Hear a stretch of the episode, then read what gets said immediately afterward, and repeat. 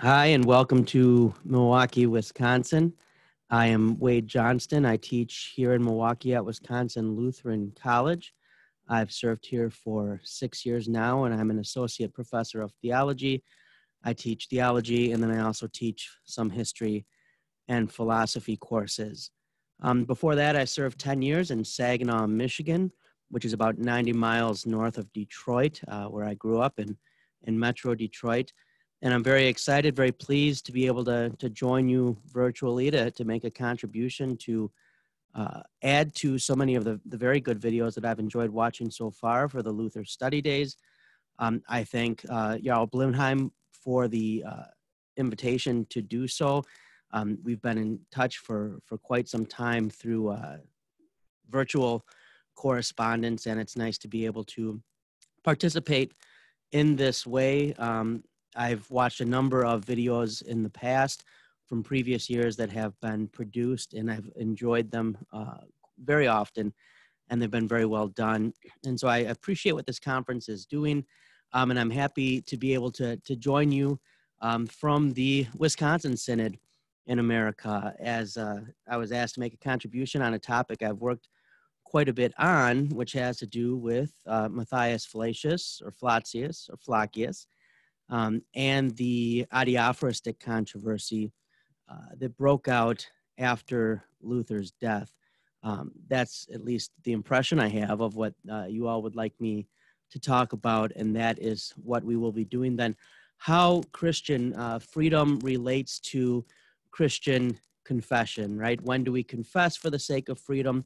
When might we be willing to set some of our freedoms by the side out of, out of Christian love? And when must we confess out of Christian love, and that really those questions were brought to a head in this adiaphoristic controversy that we're going to, to talk about. Now, I myself was not raised in Lutheranism. I was raised in Roman Catholicism. I went to uh, parochial school in the Roman Catholic Church through eighth grade and then public high school. And it was in my last year of high school uh, that I became a Lutheran. At the end of that year, um, I was confirmed as a Lutheran after very patiently uh, being instructed by uh, Pastor Carl Wirtz at the local church there, to whom I will be forever thankful, who put up with all my questions and my objections and, and all that fun stuff and kept pointing me to the cross of Christ and to the grace of God and to the freeing message of the gospel, something I am forever thankful for. And when I came into Lutheranism, especially coming into American Lutheranism, but I would guess that it's similar uh, in, in any setting where there are uh, different groups of, of Lutherans or Protestants gathered, I had to learn a, a lot of acronyms, right? Acronyms for church bodies, for synods, acronyms for groups within church bodies and in schools. But there was also this word that I, I learned fairly early on, and I didn't really learn it. I wasn't sure what I what it meant, but I kept hearing it, and so it was somewhat fascinating. And it was the word adiaphora or adiaphoron. And it was a word that I would hear people oftentimes use when they were discussing things like like worship or church practices, how things should be carried out in the church or structured or or organized. And then sometimes I'd hear it uh, used kind of like a, a get out of jail free card for, well, I can kind of do what I want and you can't say I shouldn't because adiaphora.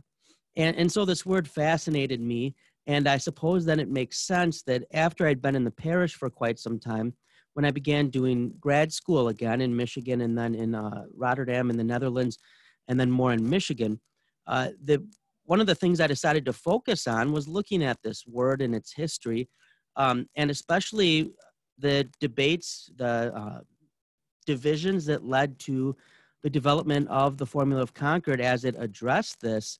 Um, you know, what truly is free in a, a time of controversy, in a state of, of confession. And so that's how I kind of ended up delving into this, this topic, and especially by looking at the, the person and work um, of the Croatian, he's from Croatia as we would call it now, or the Illyrian, uh, Matthias Flacius or Flacius or Flacius. I hear people say it different ways all the time, and so I'll, I'll do my best to rotate a bit for you. As far as uh, a little bit of background on Flacius, which I'm going to default to because in the former Synodical Conference churches here in America, Wisconsin Synod and Evangelical Lutheran Synod and Missouri Synod. Um, that's what I most often hear people say. Um, but Flacius was originally, as I said, from Croatia. Um, he was an Illyrian, as sometimes is used right in his uh, name, Matthias Illyricus Flacius. And he had been introduced to evangelical thought. His uncle, who was a monastic, had introduced him to evangelical thought. Um, his uncle died uh, in the uh, Venetian Inquisition. And, and Flacius will make his way north and eventually make his way to Wittenberg to study theology. And he's going to focus especially on Hebrew. He'll write his uh, master's thesis on Hebrew, uh, specifically about if the vowel pointing in the Masoretic text was original to the Hebrew scriptures or not. And there's a lot of interesting stuff that goes along with that debate. Uh, he ends up becoming very good friends with Philip Melanchthon, who looks out for him in a number of ways, makes important recommendations. And he also is influenced by Martin Luther. At that point, he wouldn't have had a lot of contact with Luther, as Luther was in the later stages of his life. Uh, but Luther did help him through a bit of a spiritual crisis, um, perhaps even a case of melancholy, as, as they might have talked about it in previous centuries, or depression. And, and this left a mark on Flacius as well. He is a Hebrew professor then in Wittenberg and is, by all accounts, being going to be doing pretty well. Life seems to be falling into place for him in the time leading up to the adiaphoristic controversy. But then we have the death of Luther. Luther is going to die in 1546.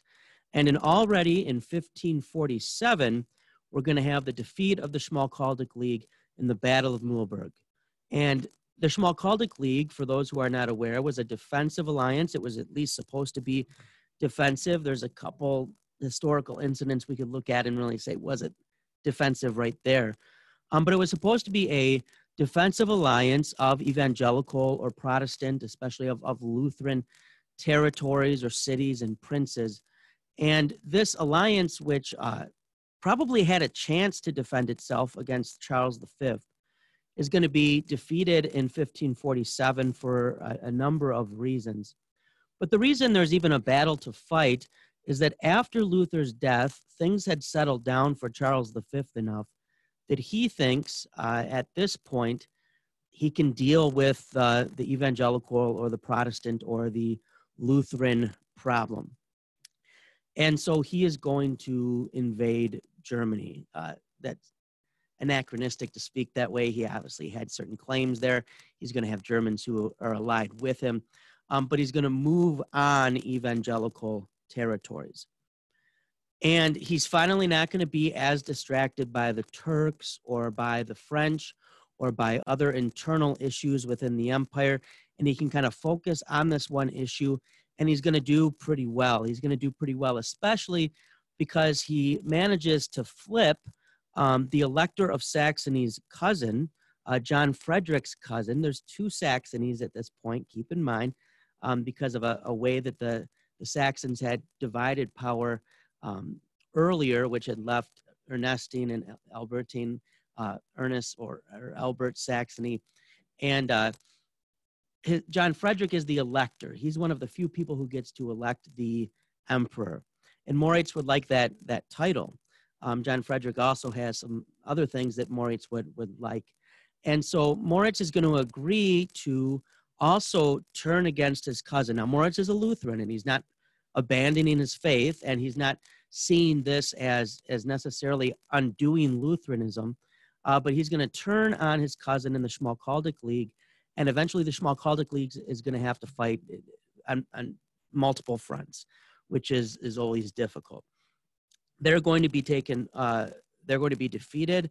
John Frederick is going to be uh, captured, which is disastrous for the electoral lands. Moritz is going to get the electoral title.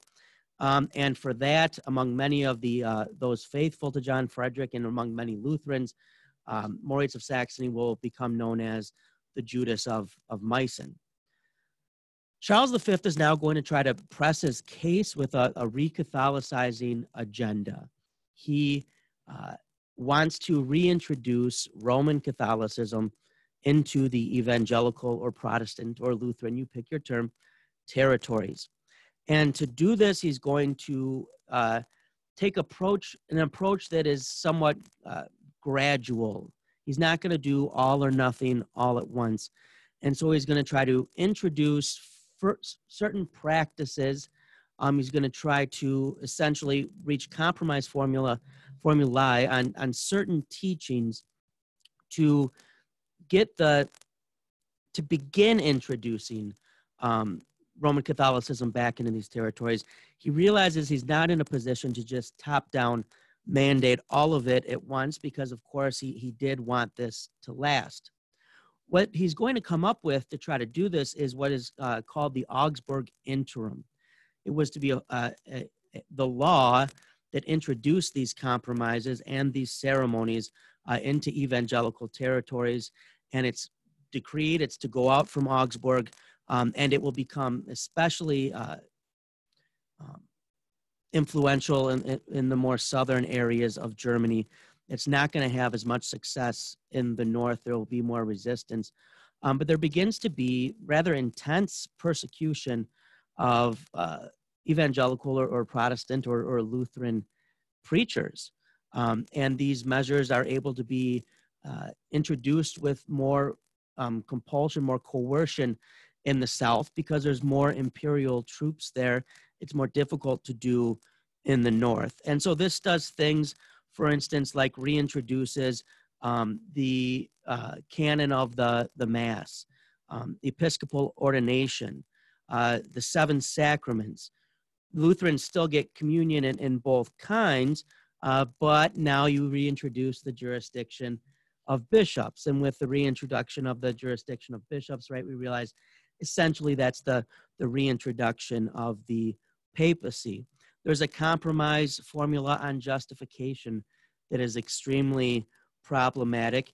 And even Philip Melanchthon, who later will disagree with uh, Flacius, will oppose the Augsburg interim. He sees it as too much uh, being being given up, and he takes a, a, rather courageous stand. He's very vocal about this. Those of you who know about um, the Adiaphoristic convent, uh, uh, controversy, largely through Bente, uh, we sometimes get a take where simply Flacius is the hero and, and Melanchthon is is a coward, and uh, we sometimes forget how much Melanchthon sacrificed and and gave up uh, for the Reformation. And so I'm always very skeptical of taking too hard of an approach in this area. Um, Nicholas Amsdorf also will dissent and speak out loudly against the Augsburg interim. Uh, and he is going to have been someone who was very influential at Magdeburg for, for quite a number of years. And so Magdeburg is going to become a hotspot of resistance to this re-Catholicizing agenda within Germany.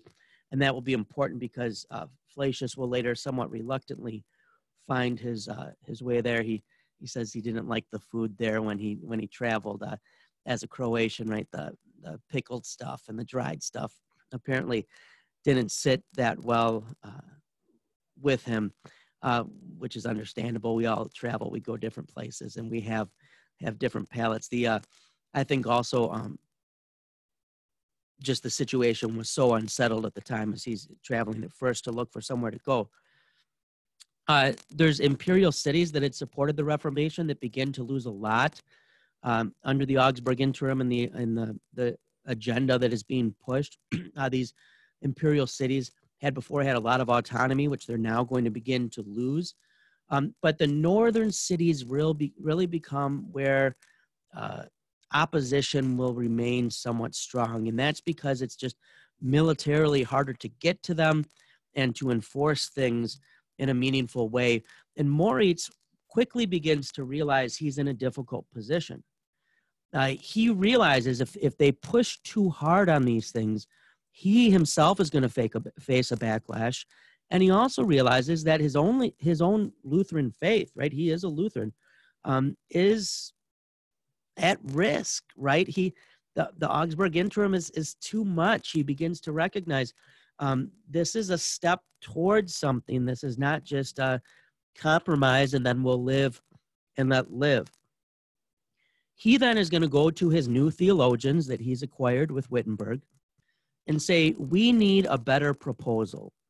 We need a better compromise formula that will keep the emperor happy, but let us retain as much as possible and keep me from facing open revolt um, from the people who are under me, both old subjects and new subjects in the lands that he had acquired. And so the Wittenberg theologians uh, set upon the task of putting together what will be known uh, as the Leipzig proposal. And this is where adiaphora becomes very important, right? And, and adiaphoron, singular, uh, is something that is neither command, uh, commanded nor forbidden in Scripture. But more than that, it's something that is supposed to be a middle dinger. It's supposed to be indifferent, right? It doesn't bring a lot of baggage for it. It can serve for edification, but it's not necessary one way or another. So it can be useful. Um, the gospel can be preached, uh, whether I stand at a pulpit with a microphone or not, but a pulpit and microphone can be very helpful for the preaching of the gospel. They can represent uh, important concepts and things as well. And so a, a pulpit and, and lectern uh, don't bring any bad baggage. I mean, unless it was a pulpit that had something sacrilegious carved into it or, or set on it. Um, but uh, but in other things, it becomes more muddled whether there is now baggage to them. Um, Moritz' original territory, Meissen, right? He's called the Judas of Meissen by some, had not gone undergone as much liturgical reform as some other places in Germany. So it still retained a lot of the liturgical trappings and practices um, that had been eliminated in some other Lutheran areas. And so some of what he was willing to say um, they should be willing to accept for the sake of uh, peace with the emperor and compromise was stuff that he was used to. But it was not stuff that other people in other territories were used to. And so mandating its reestablishment, that it be practiced again in those parishes, became a very big question. Did that um, nullify, override, undermine Christian freedom and therefore the gospel? And here, this was something that clearly wasn't being done out of Christian love. It wasn't that the emperor and Moritz were coming to parishes in Christian love and saying, we think this would be really helpful um, for the preaching of the gospel and for the, the furtherance of the church's mission. But it was being mandated essentially by the state um, with the cooperation of some prominent theologians of the day. Some of the Wittenberg theologians who cooperated in, in drawing up this proposal said these things were okay because they were just adiaphora.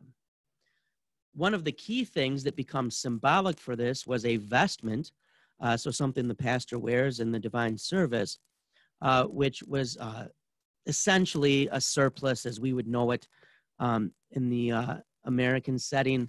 Um, it, it was the, the, the, white garment that would maybe go over a cassock. Um, think of just a, a, a white vestment. Um, that the pastor would wear. This vestment wasn't necessarily being worn everywhere still in Lutheranism, and that it was being forced on people.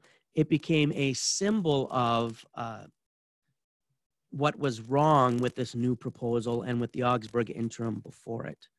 And so Flacius will, will famously say, the devil is behind the surplice, right? This is an attack on the gospel. This is an attack on the church's freedom. Um, and I have a, a, book by that title, then The Devil Behind the, the Surplice. Um, what I'm going through now is largely, especially from a book, An Uncompromising Gospel, that I've written, um, at which I, I have at the end lessons from this uh, first identity crisis Lutheranism had uh, that we probably won't have time for in this video. But that phrase, uh, um, the devil behind the surplice, is very important. And for Flacius and for the Gnesio Lutherans and for Amsdorf and the Magdeburgers and, and those resisting, the gospel in this moment needed to be uncompromising. For the sake of salvation of souls, for the sake of love of neighbor, um, for the sake of Christian freedom, it was a time to confess. And so, even in this Leipzig proposal, there was uh, the, the, the statement on justification was ambiguous at best. And, and Flacius is set off by this, um, and he now begins to write at first uh, pseudonymously, uh, pseudonym, under pseudonyms. Sorry, can't talk today, long week of classes. Um, under pseudonyms uh, against the Leipzig proposal and in a publicity coup. And the Gnesio Lutherans were great propagandists. They were kind of ahead of their time with publicity. They're publishing these short pamphlets that, that laity and clergy alike can follow, and they're doing so in German um, for German audiences and, in Latin for those who might um, benefit from that. Uh, he's going to term this Leipzig proposal the Leipzig interim. He's going to basically say this is the Augsburg interim light. Melanchthon is going to feel betrayed. Uh, understandably, they had been good friends. Flacius is going to feel betrayed by Melanchthon, who he thinks, who he thought should have been standing with him. Flacius is going to leave Wittenberg. He realizes this is not where his. Uh, it would be wise for him to stay at this point, point and and really for the rest of his life, um, with the exception of of um, stays for a few years at various places, he's going to be a wanderer, and he he will suffer much for this confession that he makes in this time. Uh, we'll get in. Another video can be on original sin and stuff like that. But at this point, um, what sets off what will be a future of suffering is this proper stance um, that he takes on on adiaphora. Flacius then sets forth uh, principles for adiaphora. Um, there's a, a, book, I don't know how available it is still, I think 1517 is still selling it. Um, and it's just translation of some of the documents that, that Flacius wrote about adiaphora. Um, and one of them is uh, um, about true and false adiaphora, a book about true and false adiaphora. And if I can just read a little, this is what he says about true adiaphora. He says, one should now observe that there are three grounds for establishing adiaphora. The first is the general command of God that he wants to have everything in the church done in an orderly and proper fashion and to serve for edification, inasmuch as he is a God of order and not of disorder. The second is the free Christian desire of the church. So it's orderly and the church wants it. The third are the judicious, God fearing people for whom the church is inclined to establish such adiaphora. In other words, this, this third, I can't count either today, this third is that it actually serves the people it's supposed to serve. There's a reason for doing it. Um, and this will be very important. Now, the adiaphora that were being claimed to be adiaphora, at least in the Leipzig proposal, we would note, um, maybe you could have argued they're for good order, for peace, but they didn't come from the free consent of the church. And they also weren't crafted for the benefit of the people they were meant to serve, um, but to placate threats and, and enemies. And this becomes an important uh, point as we work through this. Melanchthon then thinks you can kind of cut a clear, clean line between doctrine and practice. And the Gnesio Lutherans, Flacius and, and others in Magdeburg, say these things are, are more intertwined than we think. What we do flows from what we believe. And in a time of controversy, a, a time when confession is necessary, um, what we do can undermine what we believe, right? And so Flacius will say that ceremonies are, are kind of food for the eyes of the people. They're catechism for the eyes of the people. They convey something and they teach. Um, and those of us who have served at parishes uh, know how powerful this is. If we've ever gone in and not known uh, that the previous guy did this one thing a certain way and we accidentally do it different. And we can have dear Christian people who are extremely troubled by that and it can lead to, to good conversations. Um, but Flacius says these ceremonies are not indifferent in a time of confession when they're being forced on people. Magdeburg is going to hold out then. It's going to be put under siege. Um, there's going to be a long siege. Uh, you will have the Magdeburg printing press printing away, and, and, and uh, Flacius and the Magdeburgers are printing more than anyone but Luther had had done. Um, they are making use of the printing press uh, at, at a new rate and throwing these pamphlets over the wall so that German troops who were with Moritz or with the emperor they, to say, why are you going to attack your fellow Germans? Why are you going to attack your fellow Lutherans if you're a Lutheran? For obeying God's will, um, for standing for the, the very gospel through which we are saved, for standing for Christ. These pamphlets will go out, they'll be smuggled out um, throughout Germany and throughout Europe. And so this will be uh, a long siege, but one in which the, the Magdeburgers show, uh, I would say, whether you agree with them or not, uh, which I do, but they show impressive resolve. This then, uh, finally, the siege will end. Um, it's technically right supposed to be a ceasefire. Um, the uh, as they they are making the peace, Moritz will supposedly say something um, about accepting their surrender, and, and they point out actually no, they're not surrendering. Uh, Moritz and some of the other Germans will turn on the emperor, and he will be pushed back. Um, and so Moritz, who was the Judas of Meissen, in a way helps save, make room for um, the restabilizing of Lutheran churches within in Germany.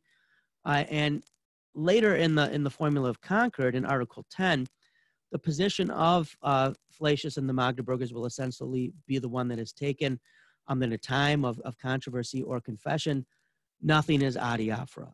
Now, in your parish, wherever you are, whether you whether you are a layperson or, or, or you, you serve as clergy, um, if there's no baggage to the vestment that is worn, and for some reason there is a change in the vestment, whether it be cassock and surplice to, to alb chasuble or vice versa. In a time of peace, um, good conversation can be had about that, what's most beneficial, and that that decision can be made, and and no no brother or, or sister in, in the faith, no neighboring parish needs to be very concerned now that the gospel has been lost. The church of its free consent has decided to make this decision, or a church body has decided for the sake of unity and, and peace and good order to make this decision.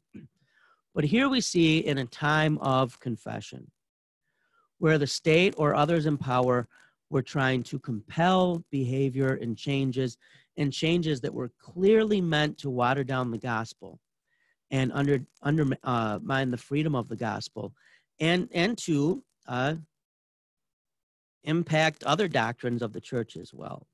Uh, doctrine and practice at such times are very intimately tied, um, and for the sake of freedom, uh, Christians then must use their freedom to confess. At least that is the stance of the Magdeburgers and of Flacius, uh, and I would say it is the stance of the, the Formula of Concord.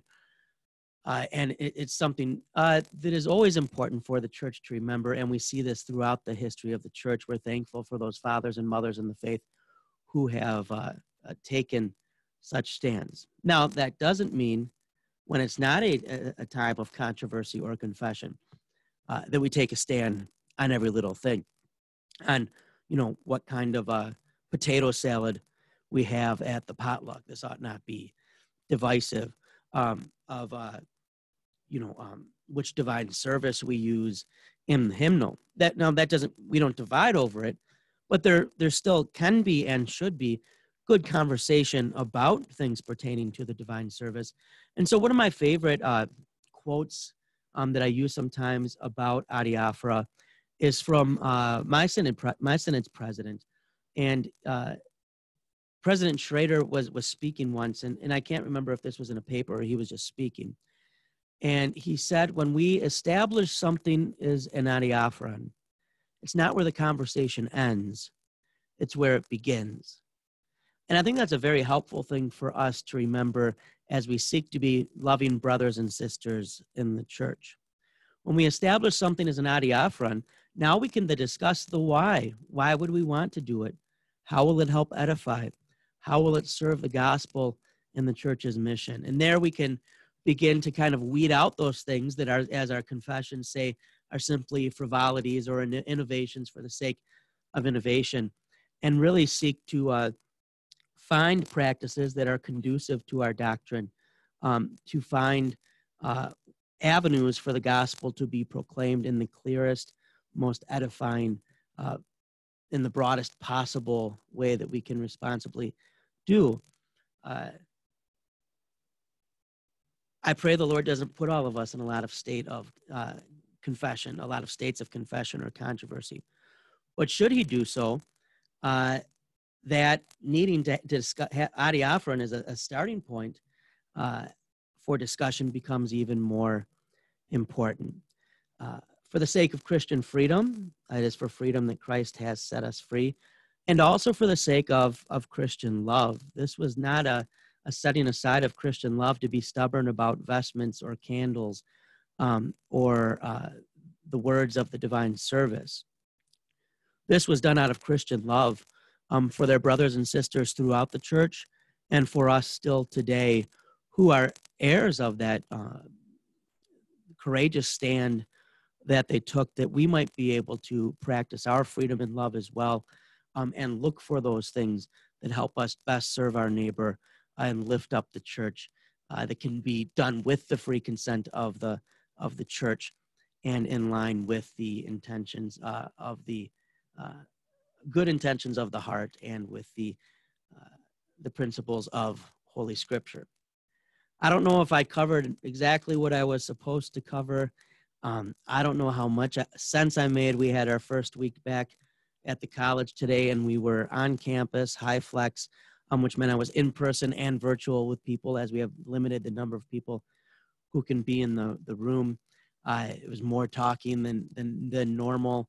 Um, and Friday is my heavy day with, uh, with four classes. So I'm not sure how uh, straight my brain is going or, or how well it's working in general in 2020. And it was a busy week as well. Um, but as I said, I'm very excited to be able to, to speak with you. Um, in this virtual way for this virtual free conference um, for our uh, friends in Norway and, and, whoever else is is watching. Um, Jarl uh, Blindheim, I, I appreciate the opportunity to do so. Um, thank you for all the wonderful correspondence we've had over the years.